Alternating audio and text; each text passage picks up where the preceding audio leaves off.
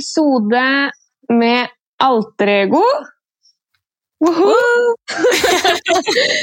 eh, vi må på forhånd eh, beklage lyd. Eh, det har seg sånn at pga. koronarestriksjoner så sitter Linn i Bergen og jeg i Porsgrunn. Yes. Så vi er nødt til å ta episoder over Hva heter det? Internett. Det store internett. Jeg sitter på badet, så jeg kan jo faktisk bare gå én meter hvis jeg må på do. Ja, så Hvis dere hører noe sånn plopp i bakgrunnen, så er det bare Linn. Så unnskylder det på forhånd. Ja. Nei, jeg tror kanskje jeg klarer å holde meg. Ja, vi får uh, Let's pray. Ja. Nei, uh, det er en ny episode, ny, uh, nytt tema. Eh, vi vil på forhånd eh, takke veldig mye for tilbakemeldinger på forrige podd. Mm. Det setter vi enormt stor pris på, og vi gleder oss ekstremt mye til eh, veien videre. Yes, we do. Dagens tema er psykisk helse, og jeg og Linn har snakket litt om at det er på tide at hun får muligheten til å eh, fortelle sin historie. Mhm. Eh, vi kan jo begynne med starten, da. Når starta alt for deg? Um, for meg så Det her er ting som jeg har funnet ut i ettertid. Men uh, for meg så begynte det allerede uh, Ikke med selve spiseforstyrrelsen, men eh, med på en måte alle følelsene som, som ligger under før man utvikler en. Da. Og selvfølgelig så er det veldig individuelt hvordan det, man får en spiseforstyrrelse, men i, for min del så var det Det begynte allerede på barneskolen. Ehm, som kanskje noen allerede har fått med seg, så eh, hadde jeg en sånn autoimmun sykdom som heter Henok Schönlein purpura, eh, som da er en sånn betennelse i blodårene. Og med det så eh, følger eh, åpne kjøttsår og hovne ledd på hele kroppen. Som fører til at du ser annerledes ut, hvis jeg kan si det sånn. Og Med dette så førte det til at du ble utsatt for en del mobbing på barneskolen. ja, det gjorde det. Eh, og jeg veit jo at barn i den alderen der ikke mener noe direkte slemt, men samtidig så er man så ung, og man er i den utviklingsfasen at ting på en måte fester seg så ekstremt godt. Så, så den, den følelsen av å bli kalt ekkel av medelever, eller bli pekt på folk bare 'æsj, se på det', og ikke sant, sånne ting. Ja. Det er ting som har festa seg veldig i kjerneminnet mitt, da. Og som, som på en måte jeg har tatt meg selv i dag, at jeg bare Når jeg ser på andre, så føler jeg at de ser skikkelig rene ut, ikke sant, men mm. når jeg på en måte er med meg selv, eller Jeg er jo i min kropp, det er jeg jo for alltid, men, men um, jeg bare føler meg alltid ekkel. Jeg kan ta en dusj, og så føler jeg meg fortsatt ikke ren. Er det sånn Og det er så, jeg har dager hvor det faktisk er sånn enda, og ehm, jeg legger jo ikke noe i det nå, på en måte, fordi jeg veit hvorfor. Ja, Men i den fasen hvor jeg på en måte egentlig ikke var så flink til å reflektere over følelsene mine, da, så Mm. var jo det noe jeg ikke tenkte på i det hele tatt, og som på en måte jeg lot ta styring da, over tankene mine. Altså i en alder av jeg, Nå vet jeg ikke hvor gammel man er når man går i fjerde klasse, men jeg turte jo ikke bade på offentlige strender engang. Jeg tenker at det er den alderen hvor man liksom skal kose seg ekstremt mye og bare elske livet, og så kan heller de eh, tankene komme i en eldre alder. Men for meg så kom de veldig tidlig, da. Mm. Ja, og så tenker jeg litt sånn at eh, som du sier at i den alderen så skal man liksom ikke gå og fiksere over hvordan man ser ut. Det er mm. altfor tidlig. Eh, Det er så mye man heller skal legge vekt på som lek, da, eksempel. Ja, ikke Eller hva man spiser til middag. Blir irritert fordi du ikke fikk eh, pizzaen på en onsdag. ja, det er jo faktisk det.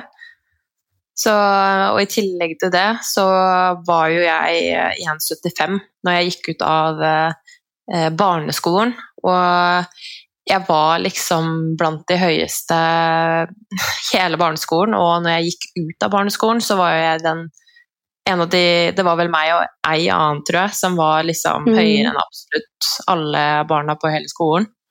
Ja. Og det også på en måte ha venninner som liksom da er mer enn et hode lavere enn deg, og da naturligvis har mindre ledd og skjelettet deres er mindre. Den følelsen av å på en måte være stor da, og ikke kunne låne klærne til venninnene dine ikke sant? fordi at mm. man er liksom mer enn et hode høyere. da. Ja, det handler jo ikke om størrelsen, men det handler om at lengden blir for kort på din kropp. da. Eh, og ja. det er jo ingenting du kan noe for. Nei, det er det jo absolutt ikke, men samtidig da så er det jo det at når ting når du på en måte får sånne ting bekrefta, og jeg vet at det er ekstremt mange som er usikre med høyden sin og sånn, men når man er så ung, da, så, så er det liksom bare ting som fester seg. At du, du, Ok, du tenker at du er for stor, da. Mm. Selv om man ikke er det. Man kan være Men det bare inni hodet mitt da så var det liksom at jeg var ekkel og jeg var stor. Og det var liksom det jeg tenkte om meg selv da når jeg gikk ut av barneskolen. Ja. Um, men det var på en måte ikke dominerende, men det lå liksom på lur, på en måte, i underbevisstheten min. En slags trigger da, som fikk det til å dra det videre til mer mm. Man kan jo, jeg tror at alle som hører på nå, kan relatere og kjenne seg igjen i det. Og at du føler at du selv er større enn det du egentlig faktisk er, da, men at du ikke forstår det pga. alle tankene. Da, altså den indre slemme demonen som sier noe annet enn det realiteten egentlig er. Ja, og det er nettopp det.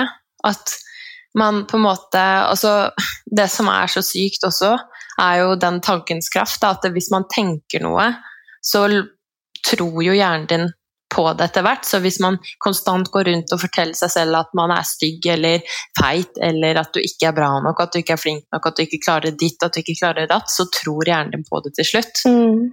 Og, og, og, det visste ikke jeg. Det, det, har på en måte ikke jeg egentlig skjønt da, før nå, mm, nærmest. Fordi, fordi, fordi, ingen har fortalt meg det. Mm. Jeg, jeg, har ikke blitt informert om at uh, Ja.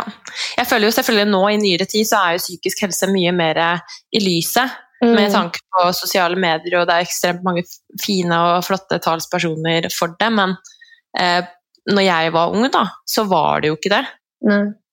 Jeg husker jo når Instagram kom, liksom. Ja, når det var nytt. Det kan jeg også. Jeg, jeg, merker det at eh, Eller jeg har merket veldig på meg selv, da, som også har eh, ikke hatt den sykdommen du har hatt, men at jeg selv eh, sliter og har slitt med, med de tankene da, om at man føler seg sånn og sånn. Mm. For allerede i sjette klasse på barneskolen så da kommer man jo i puberteten og slikt. Og jeg husker veldig godt at eh, jeg så på en måte helt vrangsynt på meg selv fra da, da. Fordi da begynte jeg å få former og hofter, noe som er helt naturlig. Men, mm. men, du var ikke vant til det, og det har jeg ikke skjønt før nå i ettertid. Mm. Eh, men at jeg nå har funnet ut at det kan ha vært en, eh, en byrde nå da, i ettertid. Fordi mm. folk har påpekt Uten kanskje å være slemme, men det at folk sier det, kan jo plutselig bare vri tankene dine om til noe negativt. da. Mm. Og øh, jo, øh, når jeg da gikk ut av øh, barneskolen, så hadde jeg jo på en måte allerede det tankesettet, og jeg var ganske usikker på meg selv og sånn. Um, og så begynte jeg jo i åttende klasse på ungdomsskolen. Mm. Og man føler seg jo ekstremt voksen når man går på ungdomsskolen, men man er jo ikke det. Nei. Eh, jeg også trodde at jeg var det. ja. Man er jo bare et barn. Um, og når jeg da begynte på ungdomsskolen, så var egentlig ting veldig greit. Jeg hadde fotballen, og det, det har jeg jo hatt egentlig hele livet fram til jeg var 16-17, men, men det, på en måte, jeg hadde det veldig bra, egentlig. Uh, og så hadde jeg jo da en barndomskjæreste um, som jeg var uh, sammen med, og var, det var liksom første kjærligheten, da. Um, for meg. Um, og det Jeg vet ikke helt hvordan jeg skal formulere meg nå. Jeg vil på en måte ikke snakke så mye om det, men um, etter å ha vært sammen med han i ett og et halvt år, mm. tror jeg omtrent, så uh, skulle jeg hjem på kvelden uh, fra han. Og uh, han pleide alltid følge meg til bussen og sånne ting, fordi det var jo Jeg dro jo som oftest hjem på kveldene. Ja. Um, men den gangen her så, så, bestemte jeg meg for at eh, Fordi jeg hadde jo innetid. Og jeg bestemte meg da for å late som at jeg ikke rakk den bussen, da, sånn at jeg kunne bli en time til. Mm. Eh, og det tror jeg ganske mange er eh, kjent med, akkurat de greiene der. Men, men eh, jeg skulle jo ønske at jeg ikke gjorde det, da. Fordi det var jo den kvelden jeg ble utsatt for et overgrep på vei mm. hjem. Og eh, jeg skal ikke gå noe i detalj på det, men jeg eh, Etter det så kom jeg jo hjem eh, med blåveis og Ja, jeg var ganske skada, da. Men det var jo veldig seint. Jeg hadde fire søsken i samme huset. De hadde gått og lagt seg. Pappa lå, eller liksom hadde holdt seg våken i stua. Mm. Så han lå halvsov der, så jeg gikk egentlig bare opp, rett opp, uten å si noen ting. Og gikk i dusjen og bare Jeg, jeg skjønte liksom ikke helt hva som hadde skjedd. Mm. Og jeg turte heller ikke si det til noen. Mm. Noen av de kommende dagene heller, selv om de lot jo selvfølgelig merke til at jeg hadde blåveis i trynet og var skada, men jeg, som sagt så spilte jeg jo fotball. Ja, og jeg har fått blåveiser av fotballen før. Ja, Så du spilte rett og slett på det, du, da? Det var ingen som spurte om noen fysisk hadde gjort noe med deg? Nei.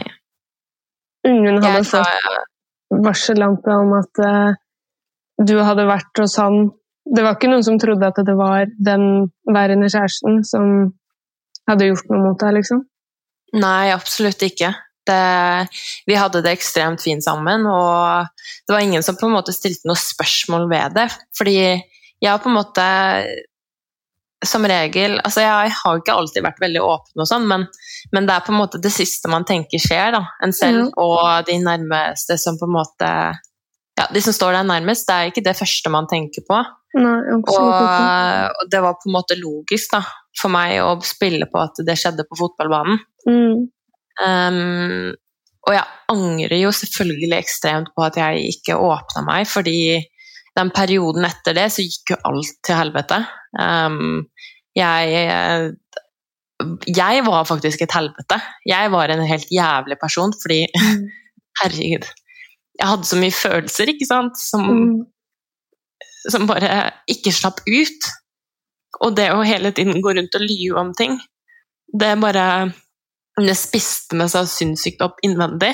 Og jeg husker dagen jeg fortalte det, så var jeg allerede ganske langt inni den onde sirkelen da, med, å, med å kaste opp og sånn, fordi det kroppen min reagerte med, var jo at Fordi jeg tenkte jo at hvis jeg fortrenger det her, så har det ikke skjedd. Mm.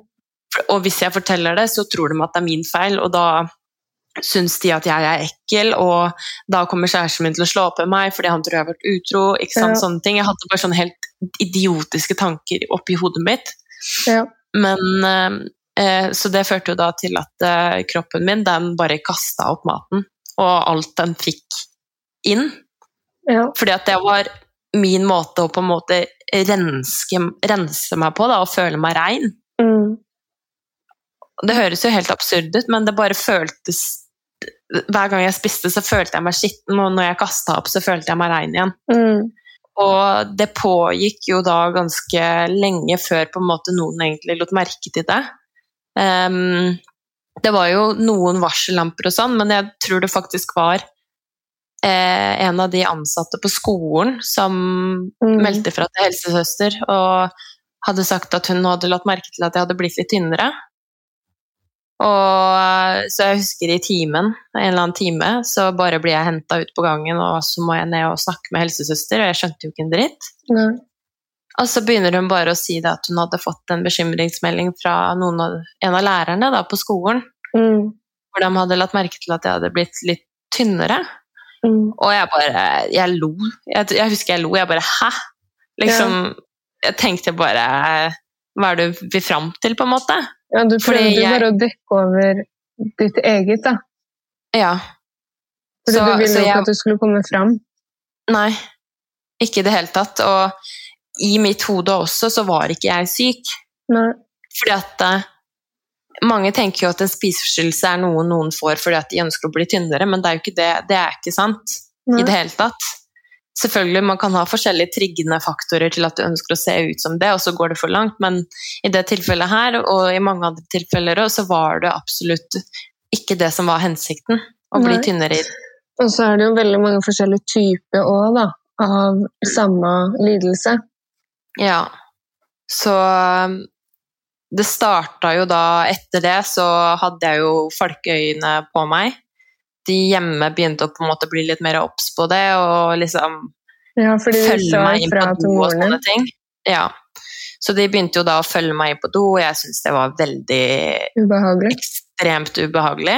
Um, og da kom jo den der styggen på ryggen som snakker, for meg. For det var ikke, det var ikke Linn som prata når jeg smalt og kjefta og sto ut med alle klør. Det var jo rett og slett da denne Beskyttelsesfaktoren. ja, og styggen på ryggen som prata, for den ville jo selvfølgelig at jeg skulle fortsette med det. For det eneste den styggen på ryggen vil, det er jo å ta livet av meg og alle andre som sliter med det. Det er jo det Mm. målet den seg. Det er jo ikke vennen vår, selv om man tror det. Ja, selvfølgelig. Så.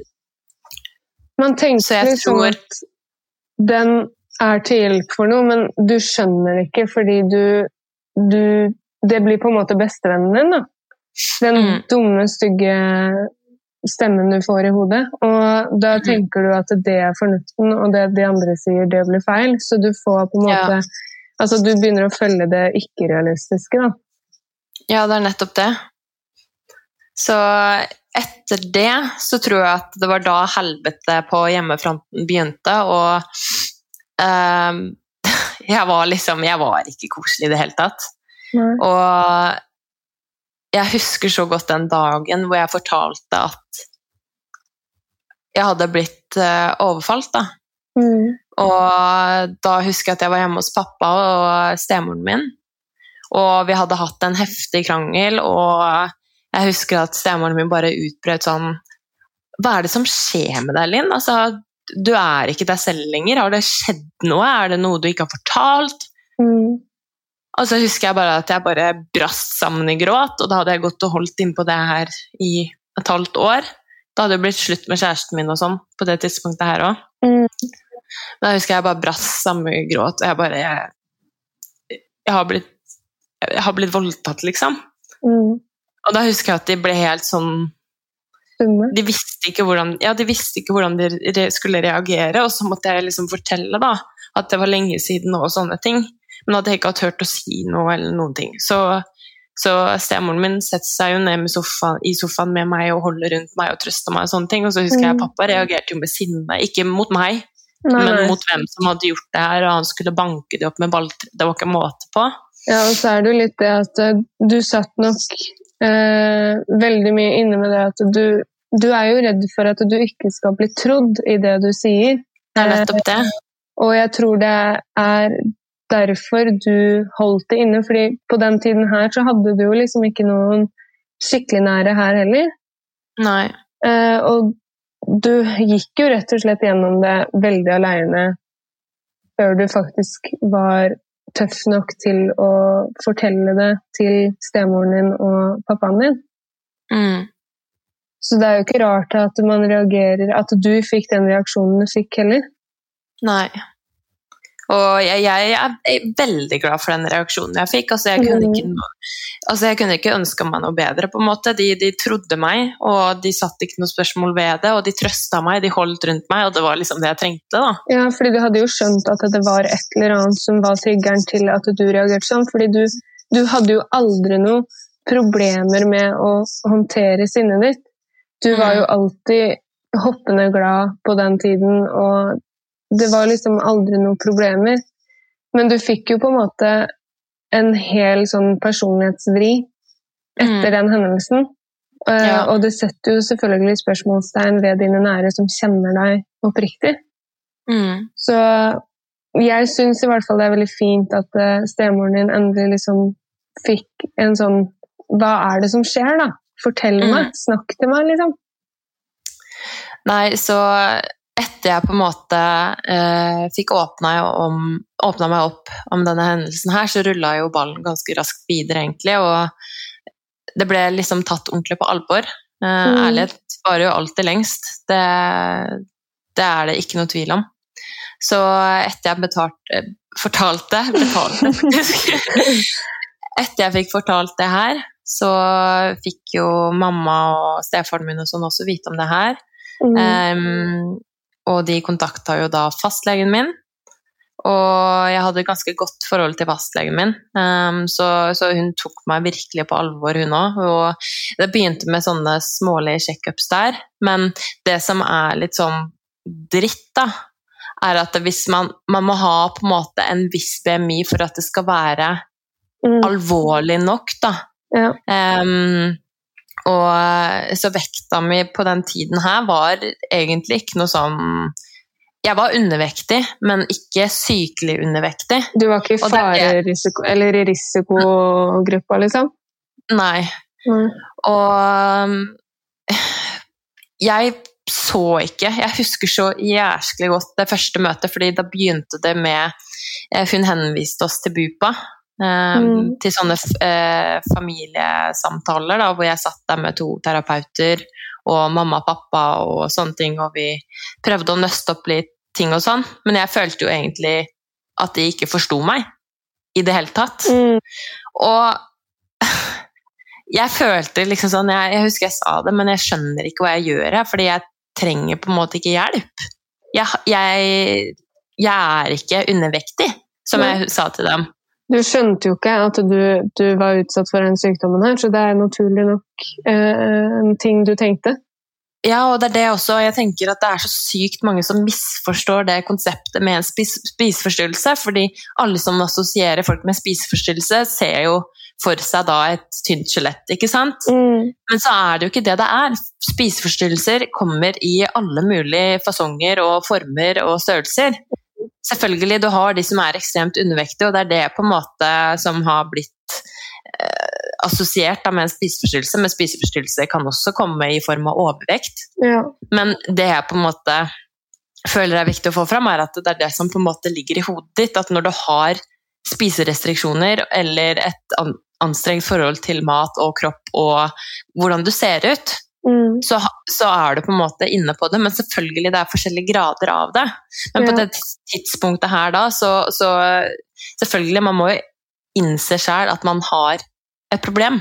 Mm. Og det er jo et av nummer én-stega med å faktisk begynne på en behandling, da. Også å faktisk jobbe med dem. Det er å eh, innse det selv. Ja, jeg tenker at det er når du først på en måte får den derre eh, bjella da, om at uh, Oi, jeg trenger hjelp. Jeg tror mm. det er mm. da man selv faktisk innser at uh, jeg har et problem, og nå mm. er det på tide å deale med det. Men det å på en måte bli pressa til å gå til terapi, tror jeg også kan være kanskje en trigger da, for veldig mange. Mm. Og det som er det merkeligste, som jeg faktisk har tenkt på i ettertid av det her, var jo at så fort jeg begynte med den behandlingen, så raste jeg ned i vekt. Mm. Og det var altså Hele den reisen min har på en måte gått ned, og jeg kan ikke gå så mye i detalj, for da som sagt kan jeg jo snakke til i morgen, men, men etter da de første samtalene og sånn, og kartleggingene og prøvene og sånn, så blei jo jeg da Jeg raste ned i vekt. Um, det som skjedde på bakholden av det, var at jeg var drittlei av å kaste opp. Så jeg kutta heller med, ned på maten, Mm. um, sånn at jeg slapp å kaste opp. Ja, fordi Men det er noe av det dummeste jeg har gjort, fordi hver gang jeg da drakk vann eller spiste tyggis eller sånne ting, så måtte jeg få ut det òg, fordi det var, det var ekkelt å ha det i kroppen. Og jeg hadde Mm. aldri hatt det problemet tidligere. Nei. Og det var så mye opp og ned og inn og ut av sykehuset og innleggelser. Og pga. når man kaster opp, så mister man eh, noe som heter elektrolytter, og det er noe av de eh, jobbe, eh, jobbeproduktene på en måte i kroppen som Mm. får hjertet ditt til å slå. Og etter en god stund um, Nå hadde jeg sikkert hatt tre-fire nødinnleggelser på, på sykehuset. Um, hvor jeg eh, da hadde fått litt påfyll av elektrolytter intravenøst og fått hjelp til å spise, og så hadde jeg blitt sendt hjem og hatt sånn hjerteovervåkning og sånn. Mm. Men jeg ble jo alltid sendt hjem igjen. Ehm, og det var vel ikke før eh, Fordi jeg måtte dra på BUPA. Jeg hadde en overlege der, da. Hvor de da tok eh, Jeg tok blodprøve på sykehuset, og så hadde jeg veldig god kontakt med han, og vi hadde ernæringsfysiolog, ikke sant. Det var Mm. et stort rot når jeg tenker på det nå. Ekstremt mange Um, leger å forholde seg til. Veldig. Um, så jeg husker den første lange innleggelsen min. Da ble jeg jo lagt inn på barneavdelinga, for jeg var jo under 18 år. Mm. Følte meg ikke hjemme i det hele tatt.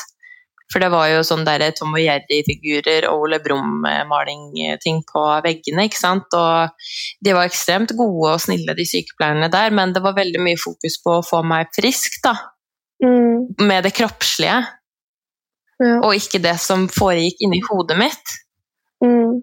Og det er på en måte der, selvfølgelig, når man er undervektig og sånn, så er det viktigste, om man vil høre det eller ikke, det er å komme opp i vekt. Fordi om man er undervektig, så, så fungerer ikke hjernen sånn som den skal. Rett og slett.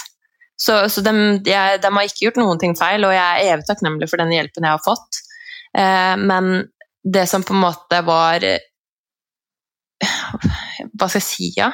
Det snupunktet for meg, og den derre der eh, realiseringen da, om at fy, ok, greit, jeg har et, jeg har et problem.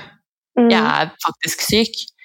Det var jo eh, Jeg husker det var, det var en natt, og jeg la meg Da hadde jeg hatt en, ganske mange netter jeg, før jeg la meg hvor jeg var ekstremt redd for å, for å dø da, mens jeg sov. Mm.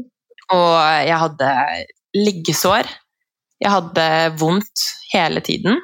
Mm. Jeg var Mamma, mamma nevnte til meg at hun husker jeg bare Jeg kunne sitte i sofaen i flere timer og stirre på en svart TV-skjerm, liksom. Fordi jeg var helt apatisk. Det var Jeg hadde brutt ned så mye, og til og med når kroppen da ikke har mer å forbrenne av fett, så begynner den å ta hjernen din.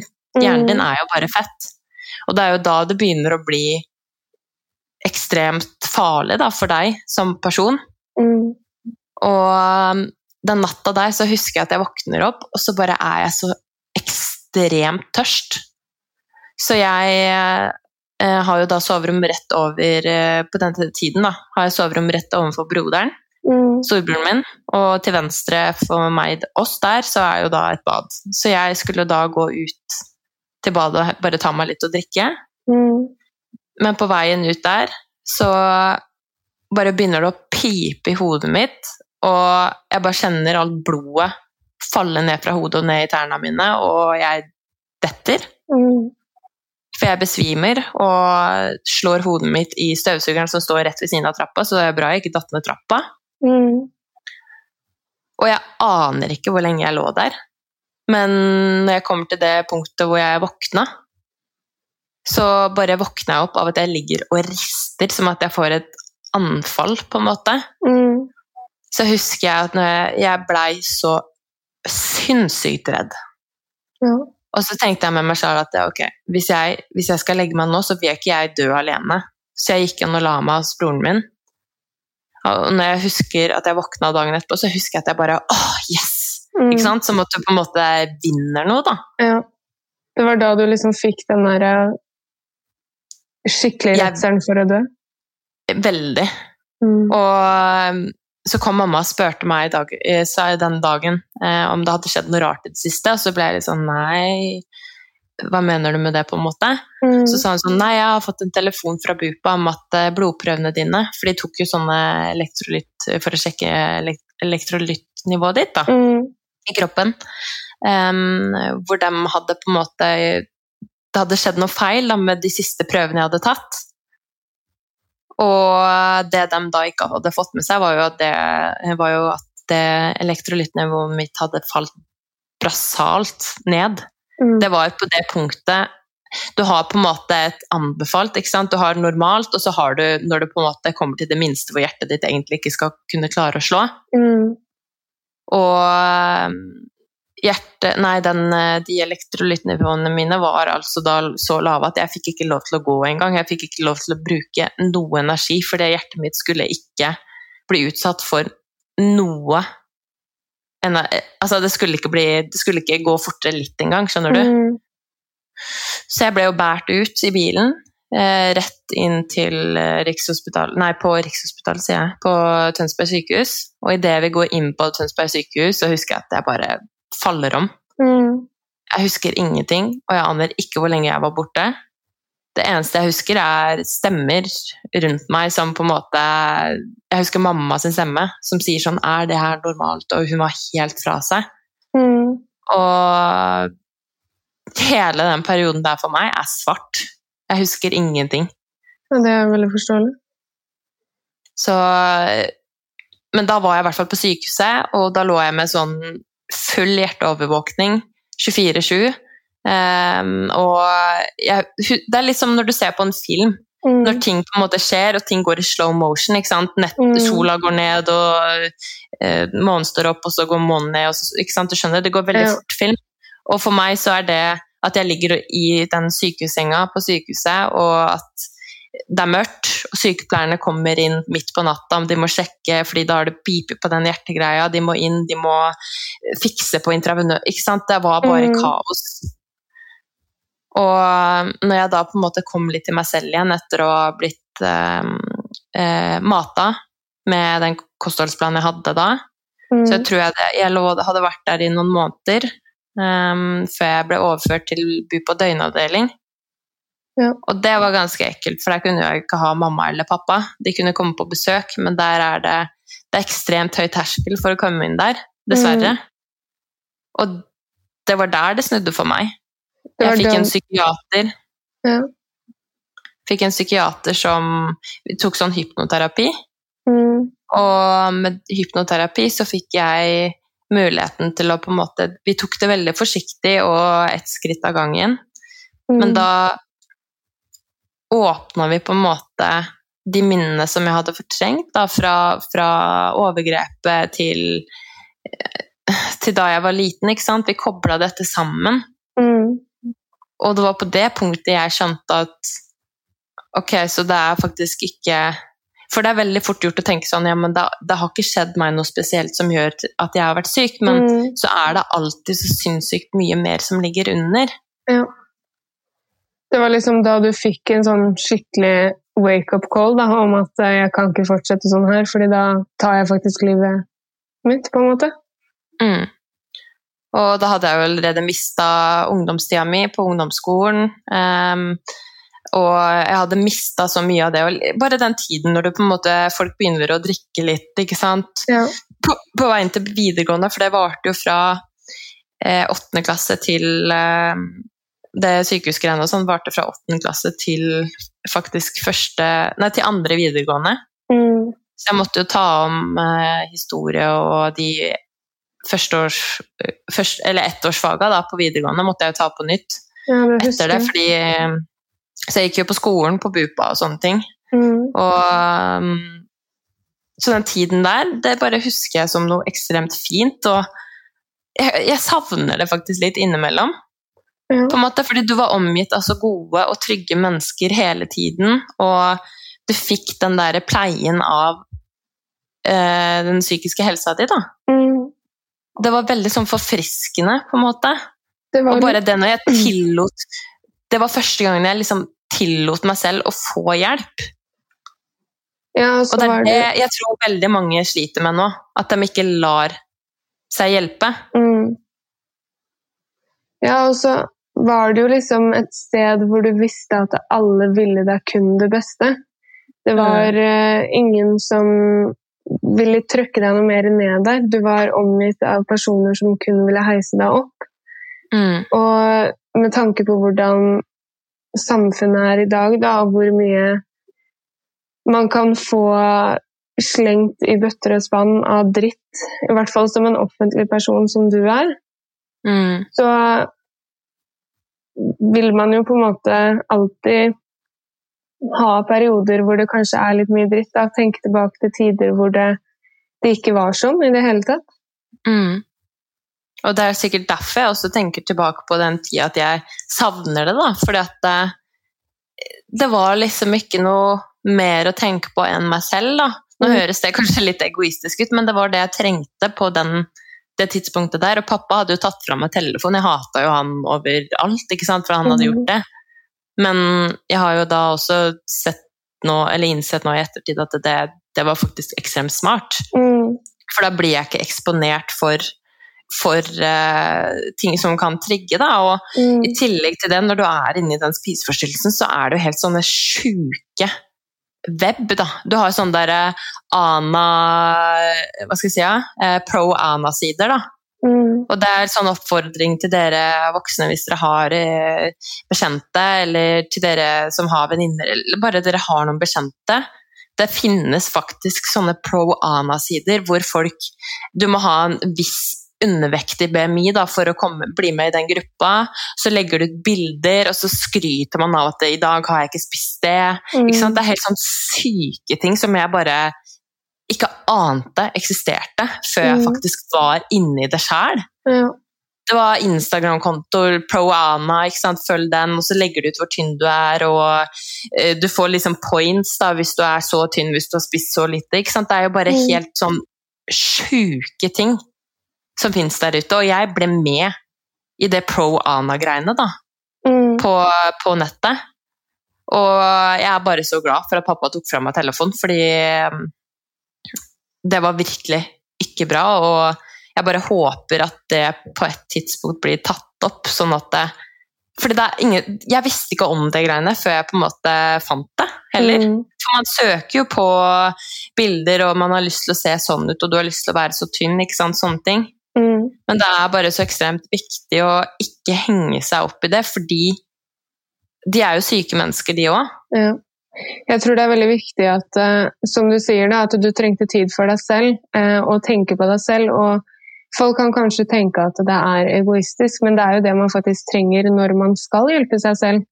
Fordi hvis du lar andre da på en måte komme med sine eh, innspill eller det ene eller det andre, da, så kan det være helt feil, selv om de mener med den beste intensjon. Så jeg tror også det er veldig lurt at når du først skal liksom få hjelp med ting og kanskje bli bedre, da, at det er mye bedre at du faktisk legger fra deg sosiale medier og slike ting for at uh, du skal bli bedre. Fordi da har Mm. du et fullt fokus på deg selv. Ja.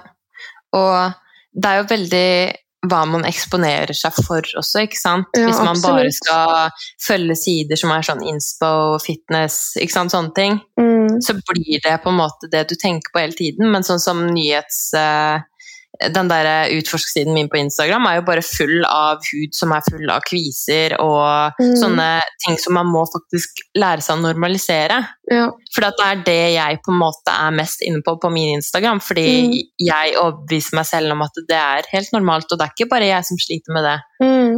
Og det gjelder alle sånne ting man er usikker på. Mm. Eksponer deg for ting som faktisk er godt for deg, Ja.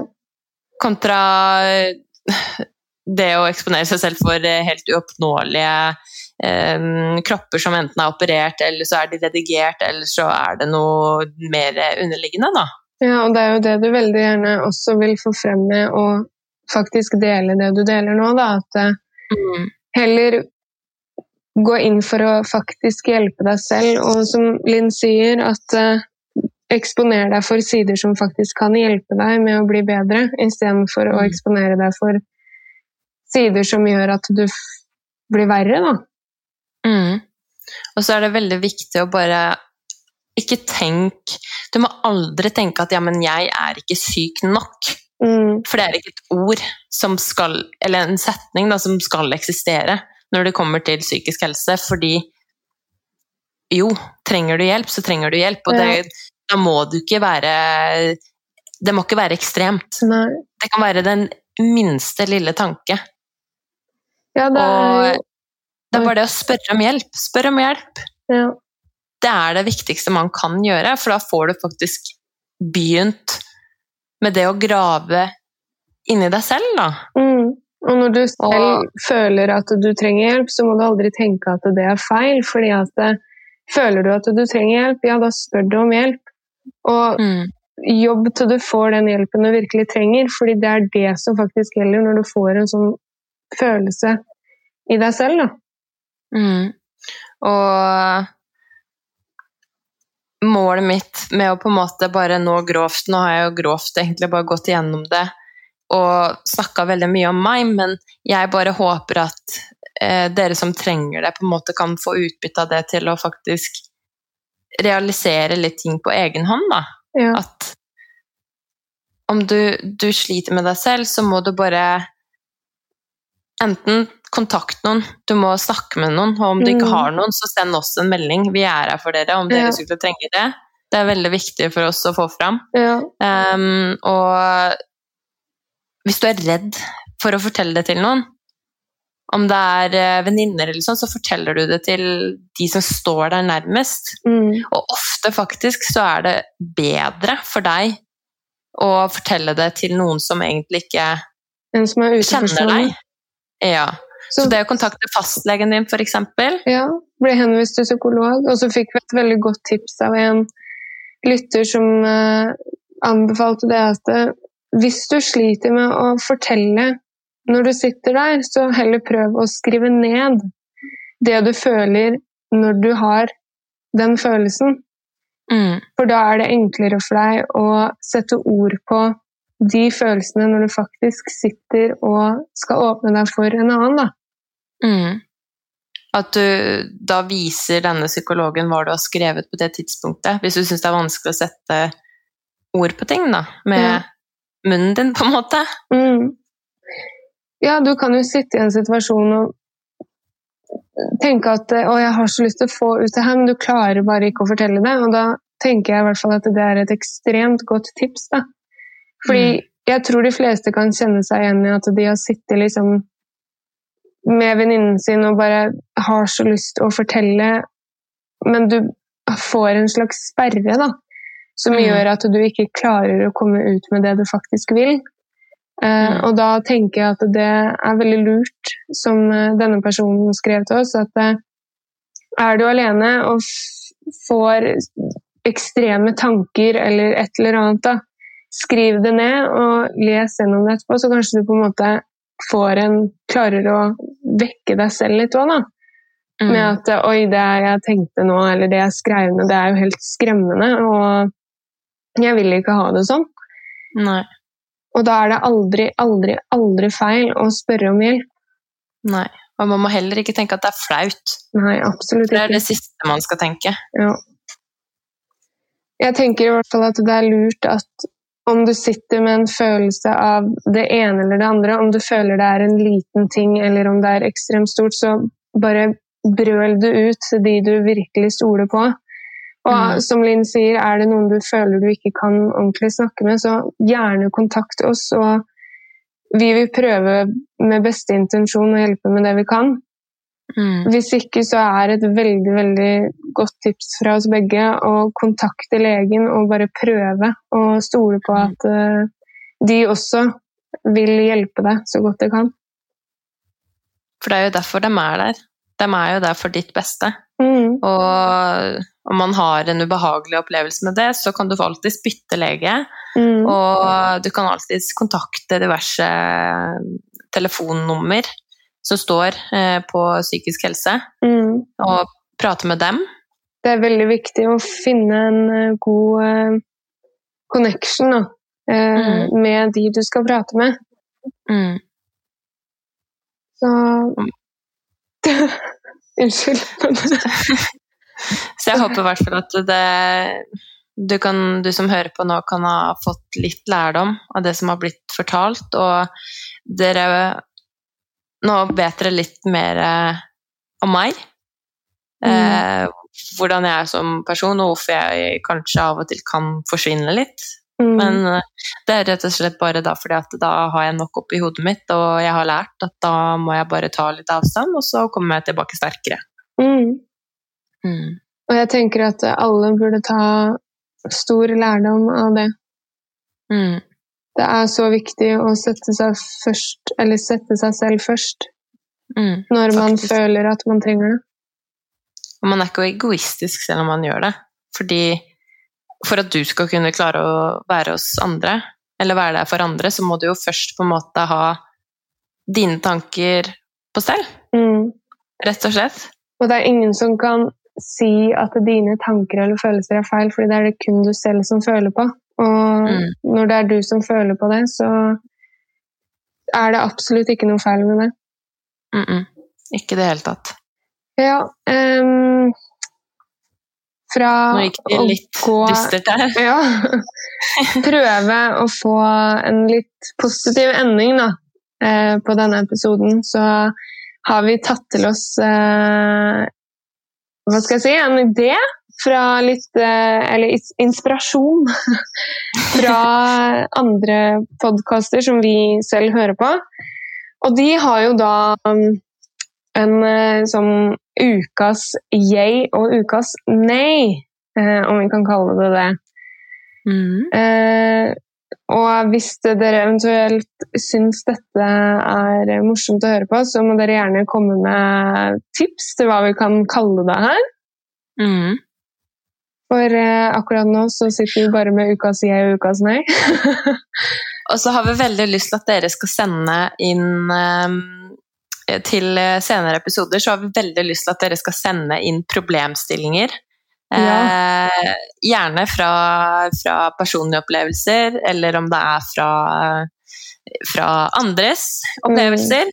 Eh, men så skal vi da prøve å løse denne problemstillingen da, på best mulig vis. Ja. Eh, Så godt For vi kan. ja, skal vi prøve å få en litt bedre ending på ukas eh, eh, brødsakser? yes. Eh, da, Linn, har jeg lyst til å spørre deg om du har eh, noen ukas yay på lur. Begynner med ukas jeg, ja. Uh, ukas jeg Ja, eller vil du begynne med ukas nei? Nei, altså, ukas jeg må vel kanskje for min del bli at vi endelig har fått det Ja. der eh, greiene her ut Ja. uh, på plattformer, for å si det sånn. Fy søren. Det må jeg si. Det har vært en følelse med Eller Berg-og-dal-bane av følelser, hvis jeg kan si det sånn. Det kan du si, for å si det sånn. Eh, Det har vært Jeg har ikke ord. Det Jeg tror ikke dere helt er klar over hvor mye det betyr for oss, da. Nei, det, ja. Og til du som hører på, vi er ekstremt takknemlige, og vi er i startfasen allerede, men eh, forbedringspotensialet, det er på vei. Ja. Vi lærer så lenge vi lever. Ja. Så, eh, nei, så jeg vil si at det er eh, ukas jeg, eh, er for min enig. del. Uh, ukas nei uh, for meg vil, må vel være at uh, vi fikk nyheten i dag, oppe i Bergen her hvor jeg er nå, at eh, ting skal skjøttes ned. Det er lockdown, så nå er treningssenteret og ja, Ja, sånne bare kjøpesenter og restauranter og alt mulig eh, ekstra som eh, vi er så privilegerte å ha, eh, fratatt oss.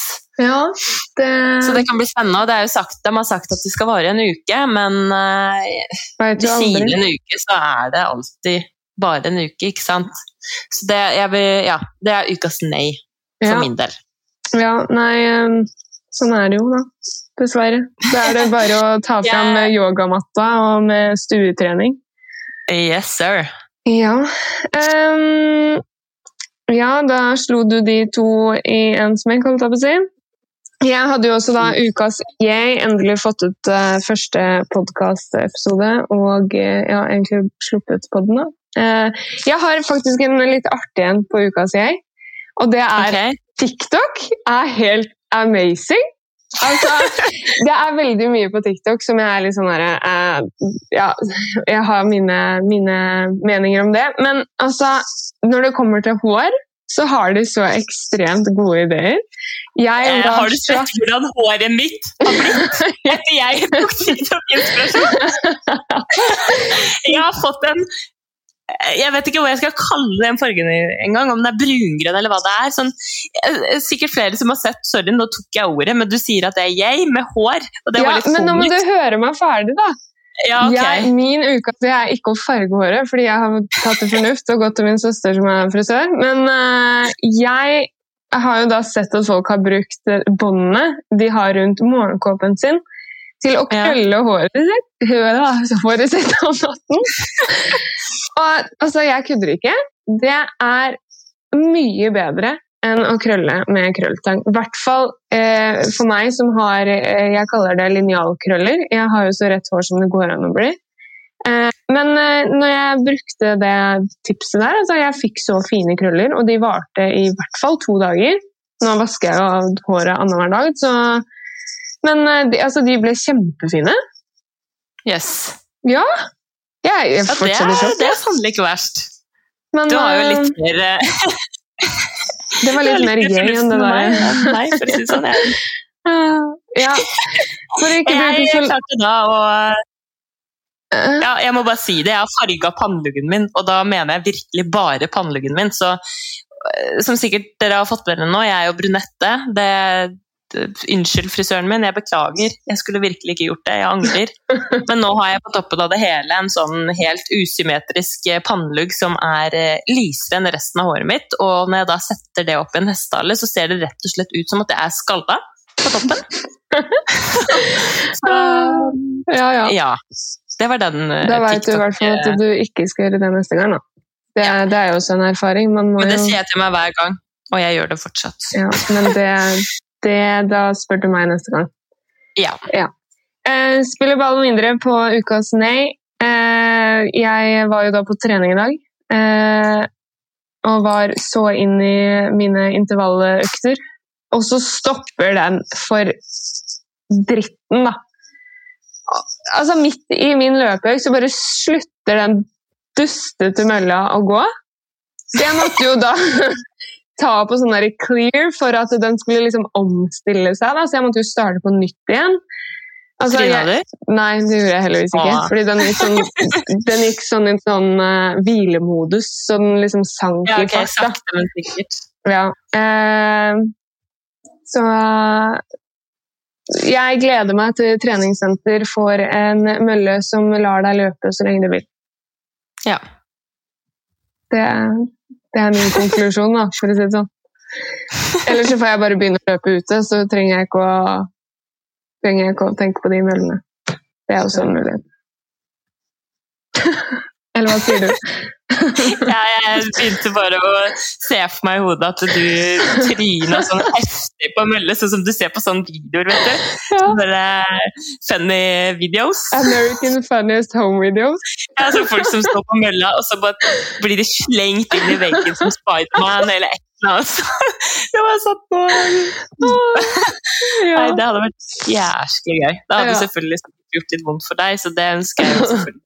Men om deg. det skjer, Linn, skal jeg trøste deg med at da skal jeg spørre det treningssenteret om jeg kan få video. er, ja. Da tror jeg faktisk jeg hadde levd på det til jeg dør. ja. La oss uh, avslutte med det. Lever Ja. på at uh, Pernille tryner på mølla til den dagen du dør. Ja. Ja. Nei, skal um, vi eh, takke for oss? Og så vil jeg bare oppsummere at dere må huske at dere er mer er bra nok, sånn som dere er. Aldri sammenlign dere selv med noen andre, fordi du er født i den kroppen du har, og Mm. du er blest nok med det sånn som du er. Ja. Og selvfølgelig, du utvikler deg. Vi er i utvikling hele tida. Cellene våre fornyes hele tida. Du, du blir liksom ikke noe yngre, så prøv å på en måte bruke tiden du har her på jorden, da, til noe Ja. positivt og bra for deg. Ja. Det er jeg helt enig i. Og skulle det være noe dere lurer på, så gjerne send oss en melding på, på Instagram, enten om det er på, på podkast-instagrammen, eller om det er en melding til meg og Pernille på, på Instagram. Ja. Vi vil, eh, som tidligere nevnt, takke for veldig gode tilbakemeldinger på forrige podkast, og håper eh, dere vil følge veien videre. Eh, Mhm. Og så snakkes vi i neste podd. Eller Det gjør vi. var det noe mer du ville si? Jeg fant en til ukas nei. det kan vi spare. Vi svarer den. Ja. Ok, da takker jeg så mye for eh, dagens episode, og for at min kjære har vært så flink å åpne seg til folket. Tusen, tusen takk for at dere har hørt oss på oss atter en gang, eller om det er ny. Velkommen, og ja, velkommen til vår reise med dere. Så eh, tusen hjertelig takk for at du tar deg tid til å høre på oss. Og så håper vi at du får en fin kveld eller morgen eller dag. Ja. Ja. Tusen takk for oss. Tusen takk for oss. Ha det!